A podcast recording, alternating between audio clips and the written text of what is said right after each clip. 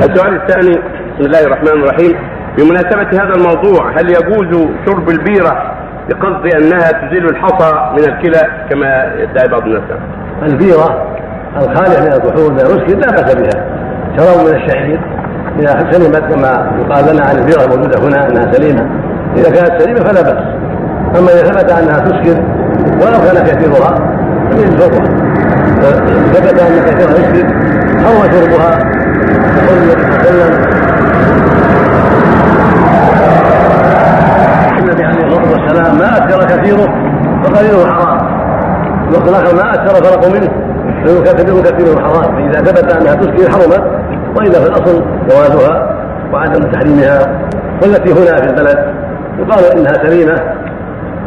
فإذا كانت سليمة كما قيل ولم يجرب من أحد أنها تسكر فلا بأس. أما ما يكون في الخارج فقد بلغنا التي تباع في الخارج مسكره